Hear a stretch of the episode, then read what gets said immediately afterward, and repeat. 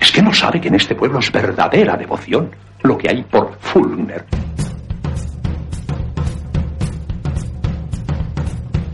Bienvenidos a Celuloide Paranoide, un programa de cine. Así que... Eh, ¿Quieres que vayamos al grano? No, no, no, no cruce todavía. Sí, cruzáis, pero y, digo yo, ¿con qué cruzáis? No sé si deciros que crucéis con un lápiz y un papel, porque Antonio Amaro nos trae su primera entrega de introducción al anime, o, crucéis con, con la espada y con, con la cota de malla, porque John Leceta nos hace un repasete de cine y batallas. Es que no. Tienes que entender que esto, esto de celuloide paranoide no es normal. ¿eh? Es que es una cosa, pues. En fin, que no me enrollo más. Comienza celuloide paranoide. Señoras, señores, agárrense a la butaca. Y eso es todo. ¿Puedo pasar ahora?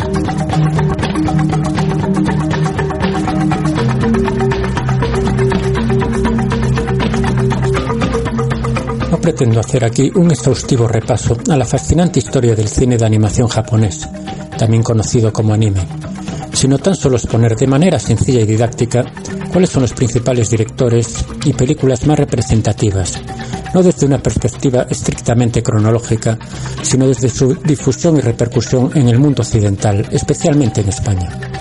Será, por tanto, una guía introductoria para quien quiera adentrarse en un cine que por desgracia no tiene toda la repercusión que se merece a pesar de la excelente calidad que atesora.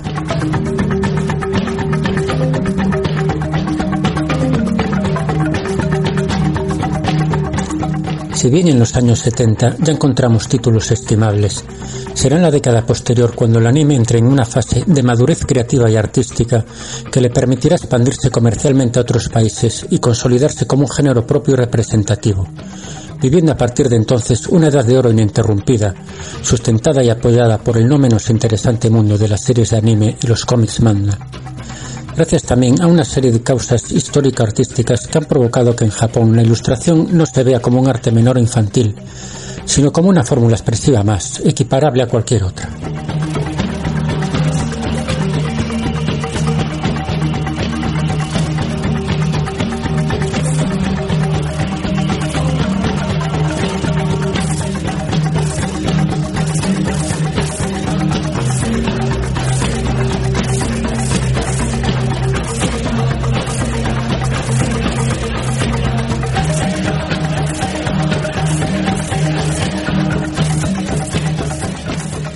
Puede considerar que el genial artista que mostró al mundo entero que en el anime se podían crear películas a la altura de las más grandes obras maestras fue Katsuhiro Otomo con Akira en 1988, basada en un manga de su propia creación. ¿Pero qué es eso? Todos los indicios confirman que Akira está a punto de manifestarse. Si no asumimos el control, podríamos perderlo todo. ¿A quién pretende engañar, coronel? Con una cuidada estética cyberpunk, mostró una calidad gráfica en el cine de animación japonés sin precedentes y gracias a su éxito internacional de crítica y público, abrió las puertas a posteriores obras de otros artistas. Juzgada desde el tiempo, se le puede criticar su errático final, todavía no había finalizado el manga cuando creó la película, y una compleja historia un tanto difícil de comprender en su totalidad si no se ha leído antes dicho manga. Pero sus virtudes compensan con mucho a sus a veces desquiciantes particularidades y por su calidad, influencia y repercusión es de obra de culto para todo buen amante del cine. Sus posteriores obras, Memories de 1995, codirigida por Koji Morimoto y Tensai Okamura, y la impresionante Steamboy de 2004 mantienen e incluso llevan a cotas más altas la calidad de su primer film, aunque curiosamente han tenido una repercusión menor.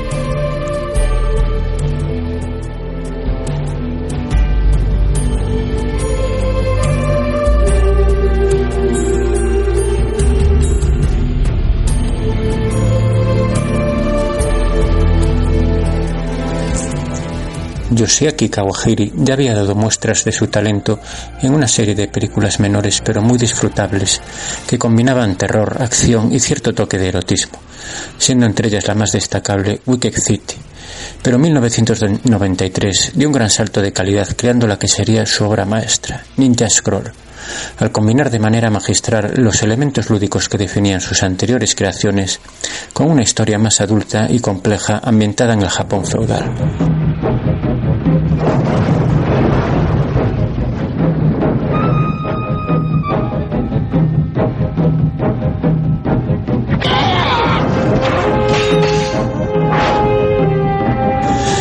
Sin tener las pretensiones intelectuales de la obra de Otomo, Ninja Scroll se hace por momentos más disfrutable, y aunque su animación no está al mismo nivel de Akira, se puede considerar notable y ha soportado excelentemente el paso del tiempo.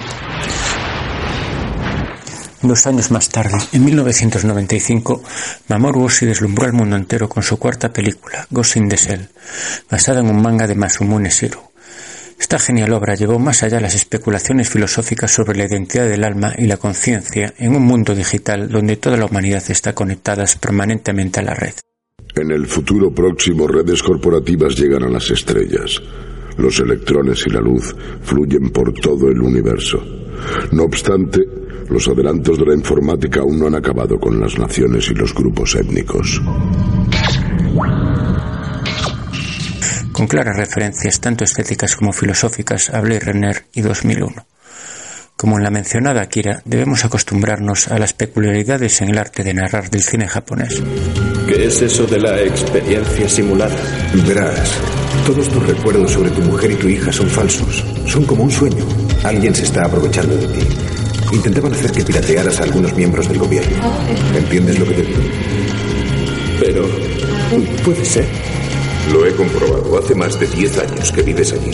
La verdad es que nunca has tenido mujer ni hija. Como te hemos dicho. No hay presentación de personajes ni explicaciones claras sobre lo que estamos viendo. Por lo que si eres neófito en el complejo mundo de The Ghost in the Shell, recomiendo antes del primer visionado leer el cómic original o al menos bucear un poco en internet, informarse sobre sus personajes e historia, para así disfrutar plenamente tanto de esta película como de su secuela. Ghost in the Shell 2 Innocence, estrenada en 2004 y quizás una de las películas más hermosas a nivel de creación artística que jamás haya visto. Hay que recordar que solo la famosa secuencia del carnaval, que dura unos pocos minutos de duración, llevó todo un año de trabajo.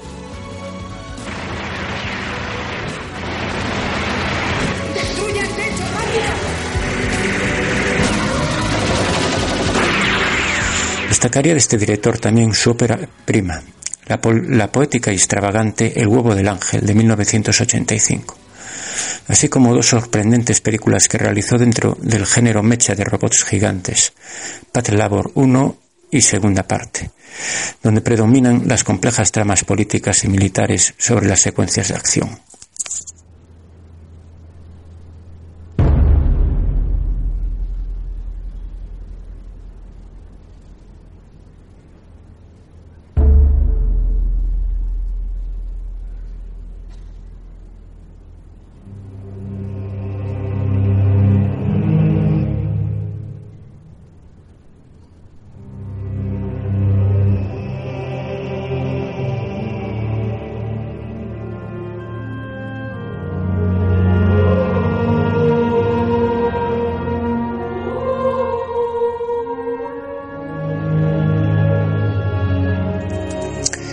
Y en 1997 llegaría la obra que consolidaría al anime en nuestro país, La princesa Mononoke.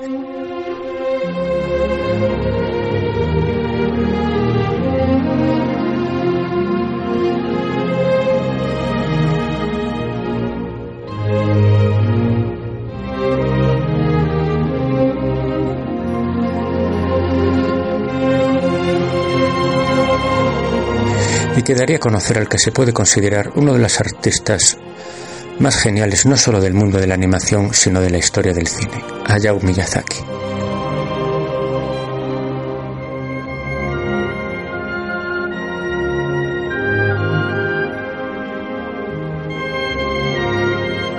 Esta película, en su momento la más taquillera de la historia de Japón, reúne todas las características fundamentales que definen su extensa obra. Preciosista animación de corte clásico con gran énfasis en los detalles, joven protagonista femenina, debate entre naturaleza y ecologismo. Existe un lugar al oeste entre las montañas donde mora el espíritu del bosque, pero es peligroso para el hombre. Quien entra allí muere. ¿El espíritu del bosque? Dicen que en ese lugar hay bestias gigantes como las de los tiempos remotos. Inclusión del folclore mitológico religioso sintoísta, fusionando de manera natural fantasía y realidad en argumentos casi siempre sencillos, pero repletos de sabiduría e imaginación.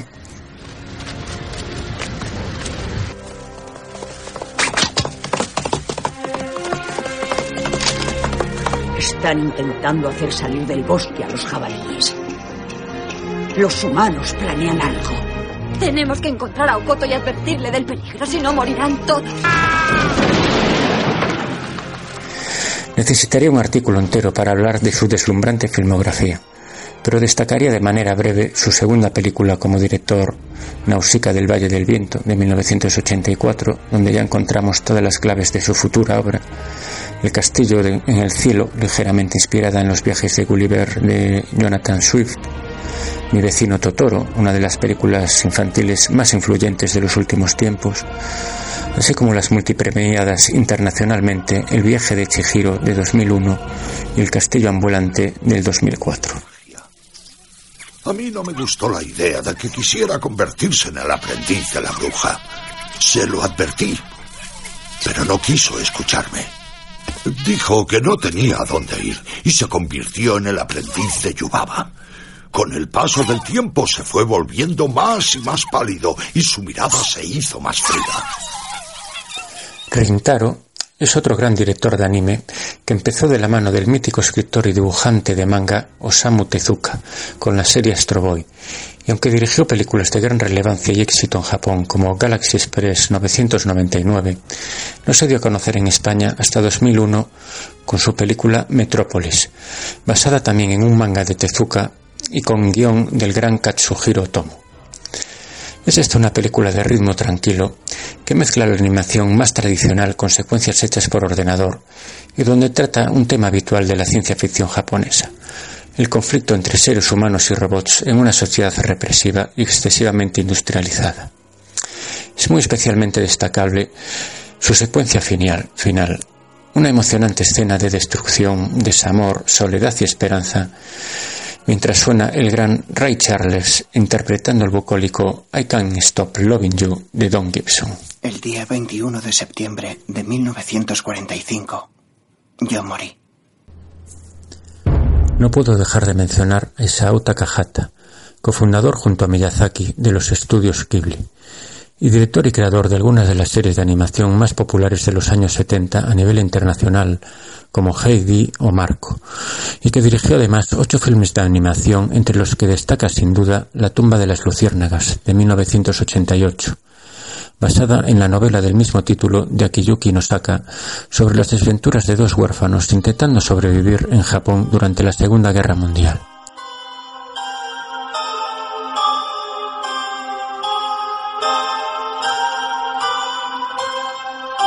A la mañana siguiente puse algo de las cenizas de Setsuko en la lata de caramelos y bajé a la colina.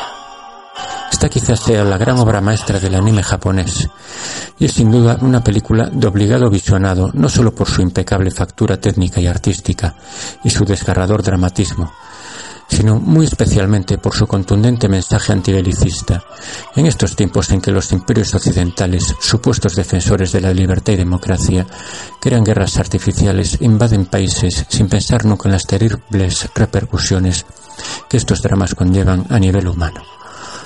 Otras películas destacables de Takahaka son la emotiva Recuerdos del ayer de 1991 y muy especialmente su última película El cuento de la princesa Kaguya de 2013, una obra de arte en sí misma con un dibujo artesanal hecho a mano que sirvió a su autor para poner un brillante punto y final a su carrera antes de retirarse.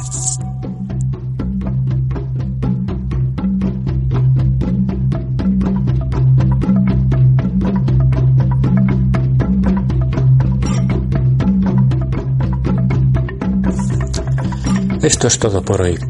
Con esto terminamos la primera parte de introducción al anime. La semana que viene le seguiremos hablando de directores un poco más actuales que siguen manteniendo altísimas cotas de calidad en el cine de animación japonés.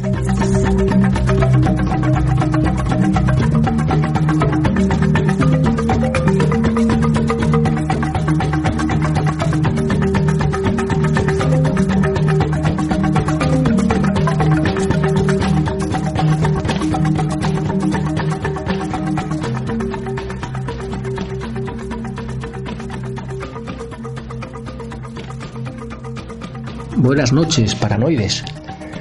Pues hoy vamos a comenzar un viaje en nuestra máquina del tiempo, pero va a ser un viaje que vamos a hacer de la mano del cine y nos vamos a ir muy atrás, casi hasta los orígenes de, la civilización. Y vamos a quedarnos con, eh, con una parte de la historia que es algo contradictorio, porque eh, muchas veces eh, brutal, de la que hay que aprender para no repetirla, pero en el cine ha dado unas eh, grandes obras maestras y no podemos evitar eh, sentir una extraña fascinación por ella.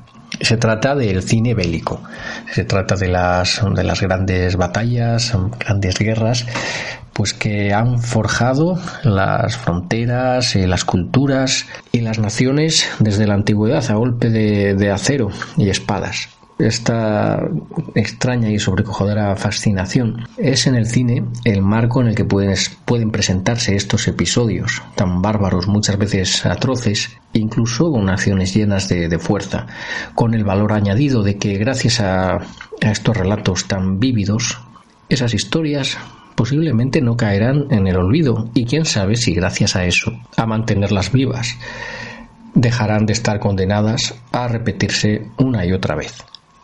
Comenzamos hoy un viaje por los grandes episodios que nos llevará desde la antigüedad a través del visor de una cámara y aprovechándonos del dinamismo y la espectacularidad que proporciona el cine y que no tienen otros medios. Comenzaremos con las guerras clásicas y nos detendremos pues en, en la Edad Media.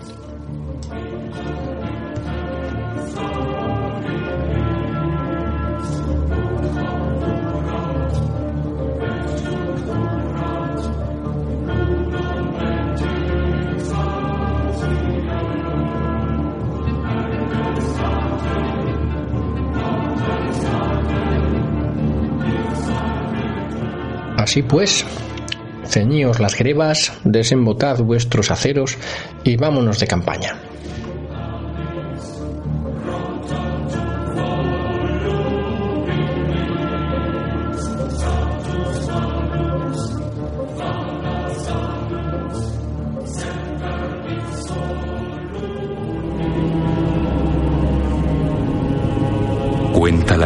Que hace 2800 años una reina traicionó a su rey y que él ordenó a un guerrero liderar la guerra que consumaría su venganza. Si el amor es una razón para luchar, no ha conocido batalla más digna que esta. Comenzamos posiblemente con la más legendaria de todas, la guerra de Troya. Ha sido narrada por varias fuentes desde la antigüedad, desde por supuesto Homero, incluso Virgilio, han hecho referencia a ella. Y en el cine ha dado pues eh, varias varias aproximaciones. La verdad que no se han lucido especialmente ninguna de ellas, pero a todos nos suenan sus, eh, sus leyendas y sobre todo los, los protagonistas de esa película.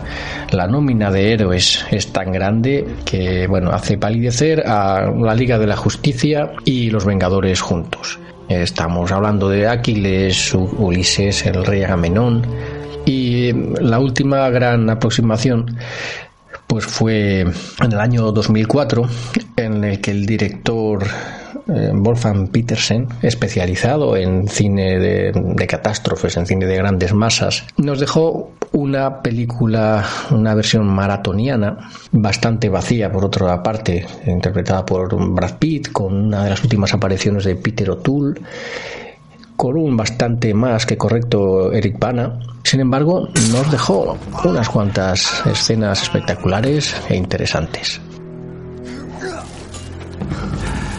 ¿Oyes los cuervos? Hoy probarán carroña real.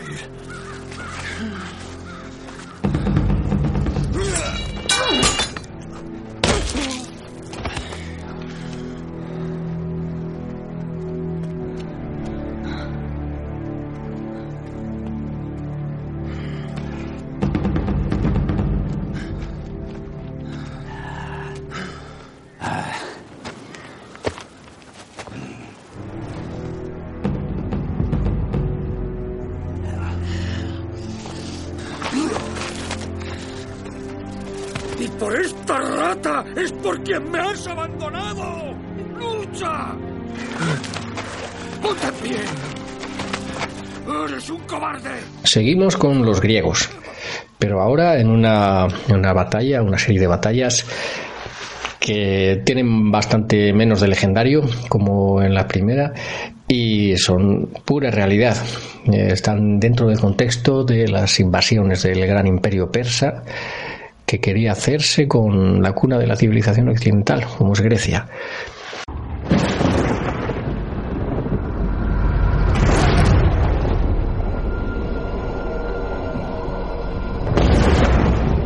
Lucharemos con nuestro rey, por Esparta, por la libertad, hasta la muerte. Una de las más amadas, a lo mejor no tanto por su calidad, pero no podemos negar que creó escuela en cuanto a, ritmo, a estética. A lo mejor no todo es culpa de, del director. Estamos hablando de 300 de Zack Snyder del 2006. Gran parte del éxito de esta película provenía de que estaba basada en una excelente novela gráfica con el mismo nombre en la que prácticamente cada fotograma pues eh, era una copia calcada de una viñeta. Lleva 40 años preparándose para este glorioso momento del destino. Para este cuerpo a cuerpo entre escudo y lanza. Espada y hueso. Carne y sangre. Solo lamenta tener tan pocos hombres para sacrificar. Pero bueno, el bueno de Zack Snyder supo dotar de ritmo, de, de, una banda sonora potente y de unas imágenes que hoy en día ya estamos acostumbrados a ella, pero fueron eh, impactantes. Nunca se nos había mostrado la historia clásica con esa fuerza. ¡Arrebatádselo todo!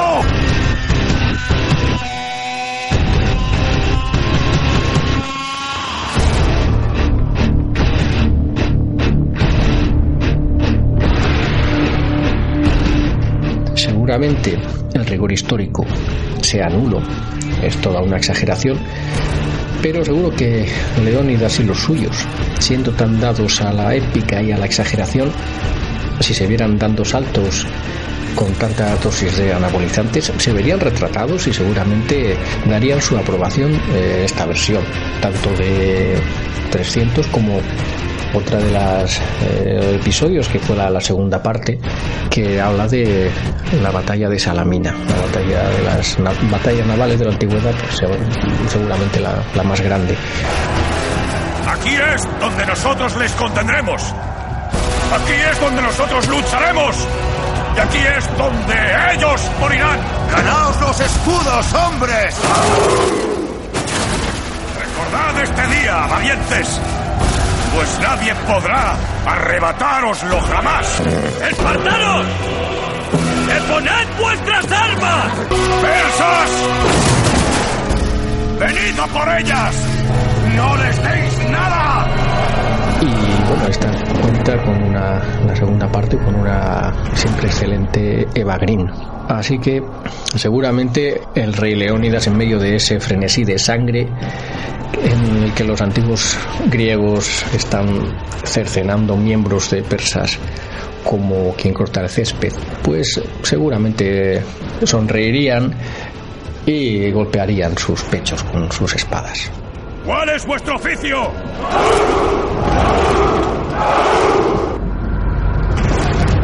¿Y cómo cambian las tornas? ¿Cómo cambia la marea? Porque nos encontramos con los mismos actores, pero estamos hablando de griegos y de persas. Pero en este caso no son griegos amenazados por un ejército infinito de persas, sino estamos hablando de que Grecia toma la iniciativa, mira hacia el oriente, ve que sus fronteras se le están quedando estrechas y de la mano de un joven, un macedonio, que siguiendo la hora que comenzó su padre Filipo II, pues decide armar un ejército no demasiado grande, pero imparable, muy bien adestrado y muy bien dirigido por él, porque no olvidemos que no era ningún, ningún inculto. El, el niño Alejandro tuvo un tutor durante toda su infancia que a lo mejor el nombre no suena, era un tal Aristóteles. He conocido a grandes hombres en mi vida. Pero solo a un coloso. Así que este personaje singular mira hacia el oriente y se decide a cabalgar conquistando todo lo que encuentra a su paso. El joven comenzó por cruzar las fronteras de Grecia, se entretuvo yendo a un oasis y de paso conquistó Egipto, así por las buenas, y siguió pues siguió conquistando el imperio persa eh, Afganistán todo lo que había hasta que en el Indo paró. Un rey no nace rey se forja. ¿qué harías si alcanzaras los confines del mundo? nunca habrá otro Alejandro como tú Alejandro Magno ¡Venced vuestro miedo! Pero en este caso vamos a hablar de la batalla de Gaugamela. Fue la batalla decisiva en la que el rey, el gran rey persa Darío III Codomano, en un primer momento se vio sorprendido por el, el ímpetu de, de, los macedonios y perdió una batalla, pero decidió llamar a todo, reclamar eh, todo el vasallaje que podía en, en, su inmenso imperio. Viendo distintas fuentes, sí que podríamos eh, estar hablando de los recursos del imperio persa, el, más poderoso de, de, ese momento, podía reunir a lo mejor un, ejército de unas 300.000 efectivos, todos pagados, de diferentes nacionalidades, culturas, sensibilidades, que simplemente pues debían al gran rey Darío III la lealtad que le generaba, que les pagaba su oro. Por contra, los griegos cuyos efectivos debían andar entre los 70 80 mil soldados, con una caballería como nunca se había visto en la antigüedad. Eran hombres libres todos, tenían lealtad por su, por su jefe Alejandro. Nos referimos en este caso a la película del año 2005 de Oliver Stone sobre Alejandro Magno. Al igual que su director, esta es una película excesiva, irregular, pero a la que no se le puede negar carácter y destacan unas cuantas secuencias rodadas por la mano de un maestro. Tu nombre perdurará por siempre. ¡El rey vive! La primera regla de la guerra es hacer uno lo que les pide a sus hombres que hagan. Y el más vil de mis enemigos me ha hablado como me hablas tú.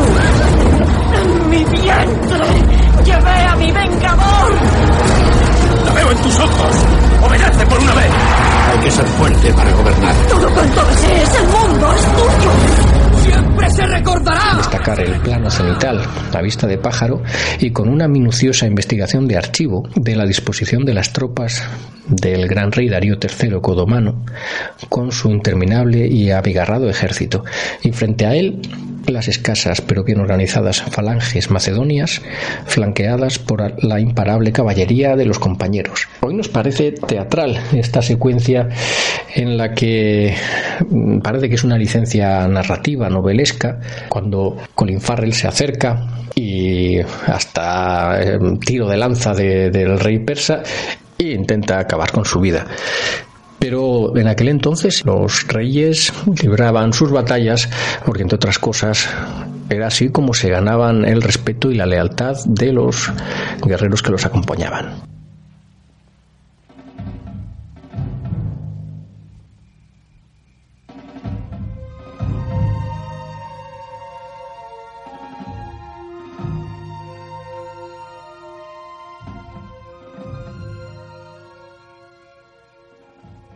¿Crees tú que pudimos haber ganado?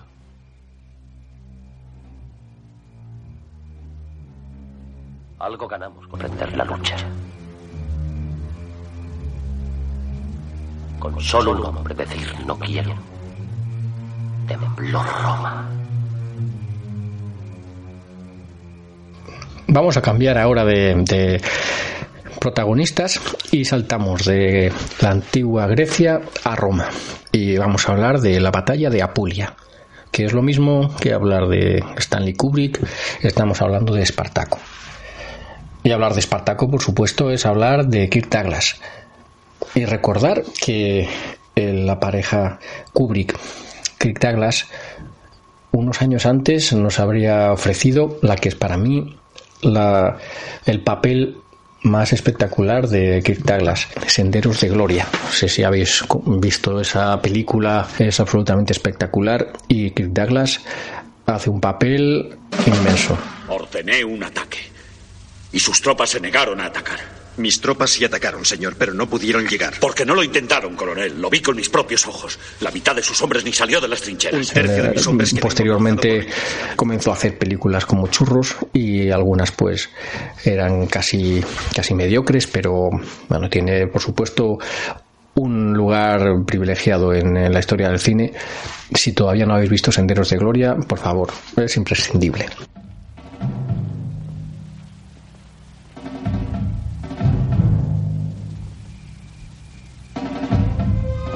Volvamos a Espartaco y es una película pues por supuesto legendaria aparte de todas las veces que la han emitido siempre al llegar Semana Santa o Navidades. Pero bueno, la parte que se, se, desarrolla en la Escuela de Gladiadores es una intrahistoria que constituye uno de los mejores momentos de la historia del cine. En general, la película es una narrativa directa, descarnada y llena de matices se mantiene actual. Se adelantó mucho, impagables las escenas en los diálogos que fueron censurados entre eh, Laurence Olivier y Tony Curtis. Trae ese taburete, Antoninus.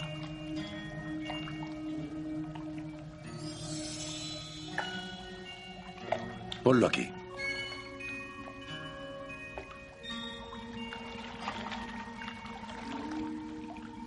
Así está bien.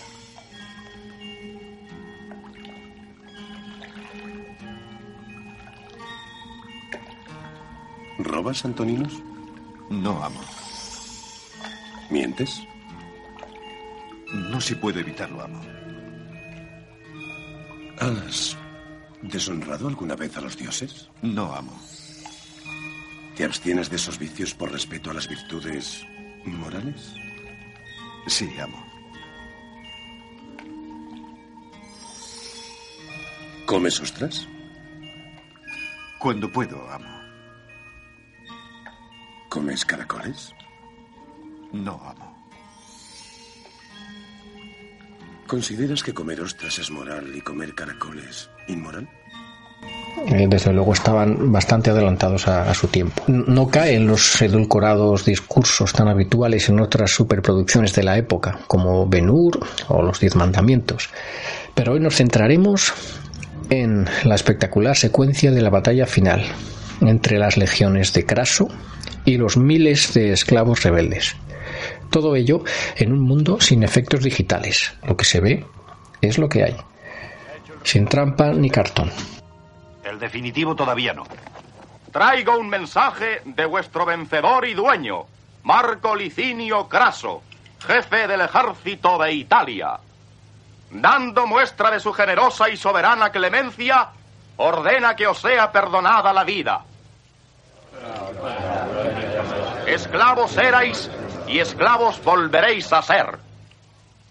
Pero solo os libraréis del terrible castigo de la crucifixión con una condición indispensable, que identifiquéis el cadáver o la persona, caso de que aún viva, del esclavo llamado Espartaco.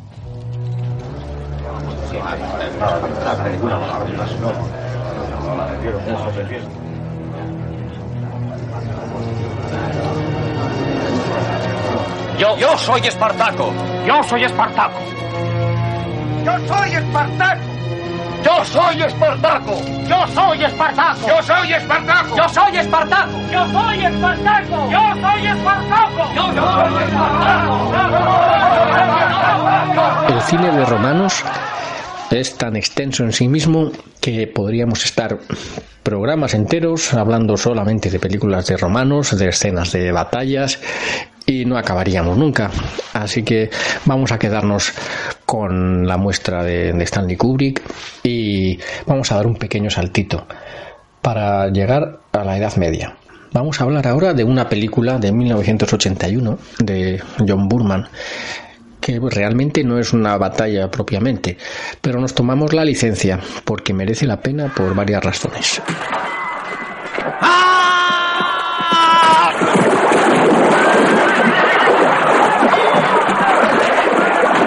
Dadme obediencia a cambio de mi piedad. Necesito caballeros combatientes como vos. Un noble. Jurar obediencia a un escudero. ¡Nunca!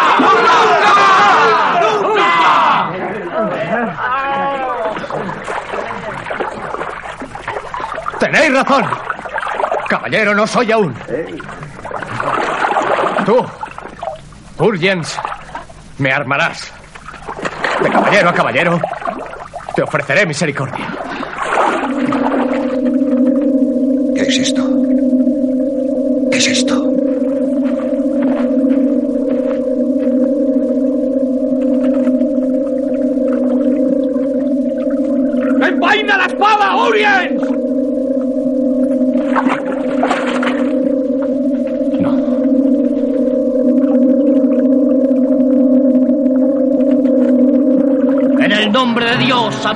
San Jorge, te concedo el derecho a llevar armas y el poder de impartir justicia. Es un deber que cumpliré solemnemente, como caballero y como rey. Se trata de Excalibur. Esta versión de los hechos del rey Arturo tiene vocación de cine comercial, posiblemente, pero se convierte en una especie de rareza, con una atmósfera muy sugestiva, marca de John Burman, y es una película sobre épica medieval completamente fuera de contexto en el 81, porque pertenece a una época en la que hasta entonces no se rodaban películas así. El cine de armadura se debatía entre pues las películas anteriores, tipo el Cid, el halcón y la flecha. En esta versión, además, des destaca un diseño de producción con las armaduras más elaboradas que se recuerdan en el cine, seguramente más espectaculares incluso que las últimas producciones de Peter Jackson.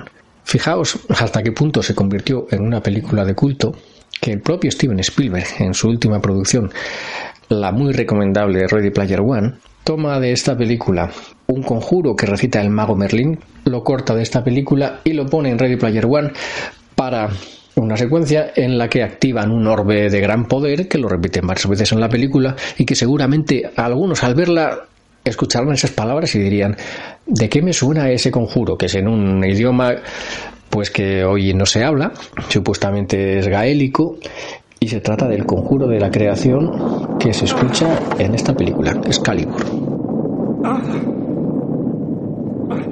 Excalibur! Into the spine of the dragon! The sword! The land! Yes, Merlin, that's it. Set the world to rights. Call the dragon. Mend the sword. Speak the charm of making. Ananatre, Uthvasbethad,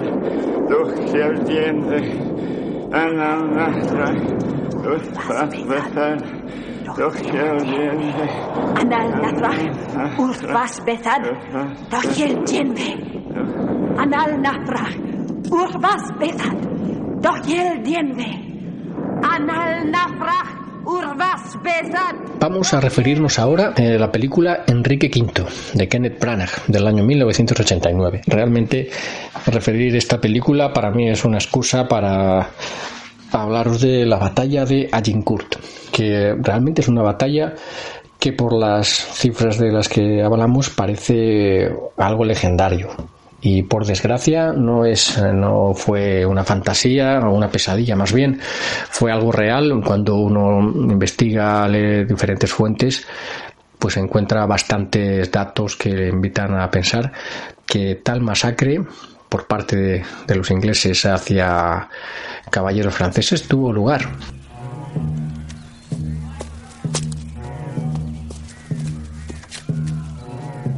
Ellos tienen por lo menos 60.000 soldados. Eso es 5 a 1. Además, están todos descansados. Es una proporción terrible. Oh, si tuviésemos aquí tan solo 10.000 hombres de los que están en Inglaterra y que no trabajan hoy. ¿Quién es el que tal desea? ¿Mi primo Westmoreland? No, mi buen primo. Si estamos señalados para morir, somos suficientes para pérdida de nuestro país. Y si vivimos, cuantos menos sean los hombres, más grande será el honor. Pongámonos en situación.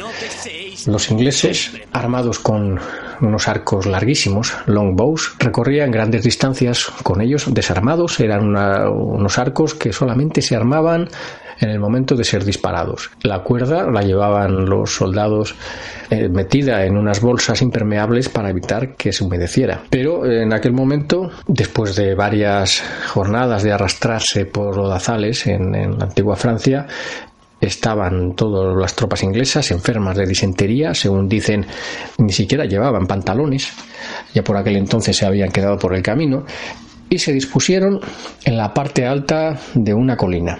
Los caballeros franceses, caballeros medievales con sus yelmos, sus armaduras relucientes, pues se dispusieron a lanzar oleada tras oleada de caballeros intentando acabar con los arqueros. Pues bien, una tras otra, como si estuviésemos hablando de las primeras cargas de ametralladora contra la caballería ligera, pues los arqueros ingleses masacraron una vez tras otra a toda una generación de guerreros franceses. Pero estamos hablando de, de, miles de víctimas por parte de unos pocos cientos de arqueros ingleses. No mostréis temor ante vuestros enemigos. ¡Alzaos como caballeros! ¡Alzaos como caballeros! ¿Qué será de nosotros? El mundo lo decidirá. Siempre lo decide. ¿Qué te dijo tu padre de tus obligaciones? Que sería un buen caballero. Vámonos ahora hasta el siglo XII, concretamente a Jerusalén. Por aquel entonces la ciudad santa estaba en manos de los cruzados. Teníamos a un lado al imperio bizantino, aún poderoso, y más al oriente los reinos árabes, el, Islam muy dividido por aquel entonces, pero por primera vez en siglos había encontrado un líder capaz de unificar a todo el Islam. Estamos hablando de Saladino. Este conquistador, aparte de militar, político, era un hábil estratega y provocó al orgulloso rey de Jerusalén para que fuera la guerra contra él, pero por supuesto que Saladino se guardó bien de escoger el lugar, el cuándo y marcar los tiempos de la batalla. Estamos hablando de la batalla de los cuernos de Hattin, una llanura que está en, en medio de dos elevaciones, tienen forma de cuerno y les llaman conocida como los cuernos, los cuernos de Hattin. La película El reino de los cielos de Ridley Scott es una película pues eh, que en su momento fue bastante infravalorada. Yo creo pudo tener que ver que no hacía mucho tiempo eh, había conquistado un éxito muy grande con Gladiator y seguramente pues el mercado no, no perdona que alguien intente repetir el éxito con un género parecido, ¿no? y, menos a Scott que mm, siempre tiene una parte de la crítica en su contra.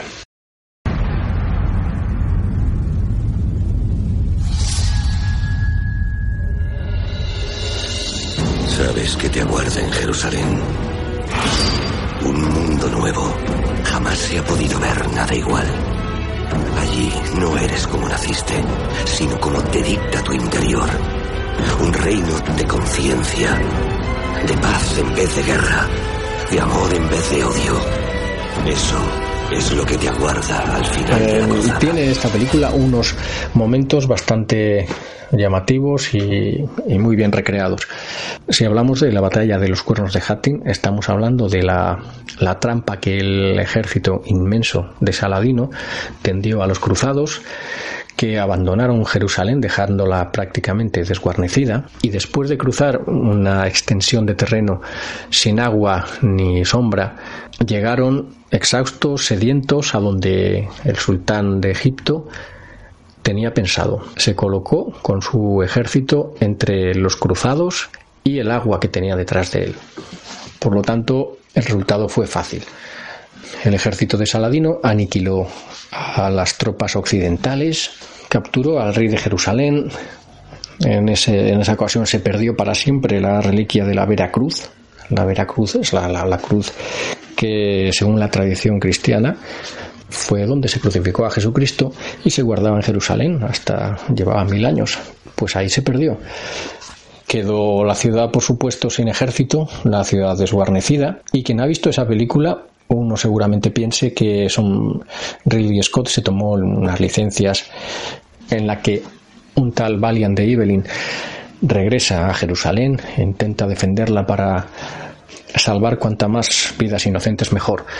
Pues realmente los hechos ocurridos, según cronistas de la época, fueron de una forma bastante similar. ¿Entregáis la ciudad?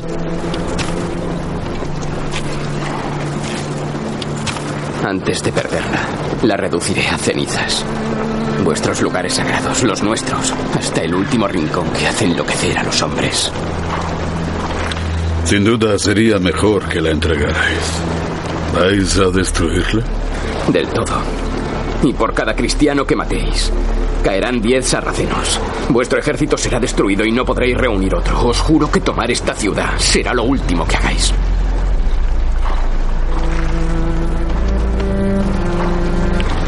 La ciudad está llena de mujeres y de niños. Si mi ejército muere, vuestra ciudad también.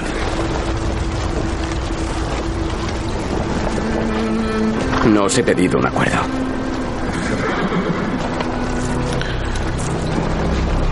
Ofrezco a todas las personas protección hasta tierras cristianas. A todos. Eh, Valiant de Evelyn consiguió una rendición muy ventajosa, de tal manera que los propios, eh, las propias tropas de Saladino escoltaron a, a familias, a, a comerciantes, hasta otras ciudades cristianas, de tal manera que no hubo derramamiento de sangre por parte de los musulmanes en Jerusalén. No se pudo decir lo mismo cuando los cruzados, unos siglos antes, tomaron la ciudad.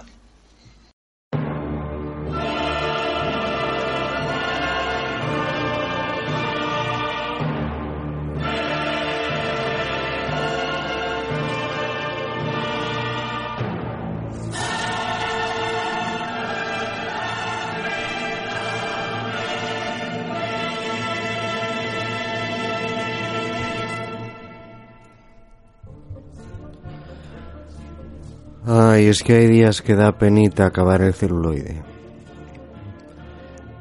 Pero, ¿qué se le va a hacer? Vais a tener que esperar hasta la próxima semana. O celebrarlo porque no hay celuloide paranoide hasta la siguiente semana.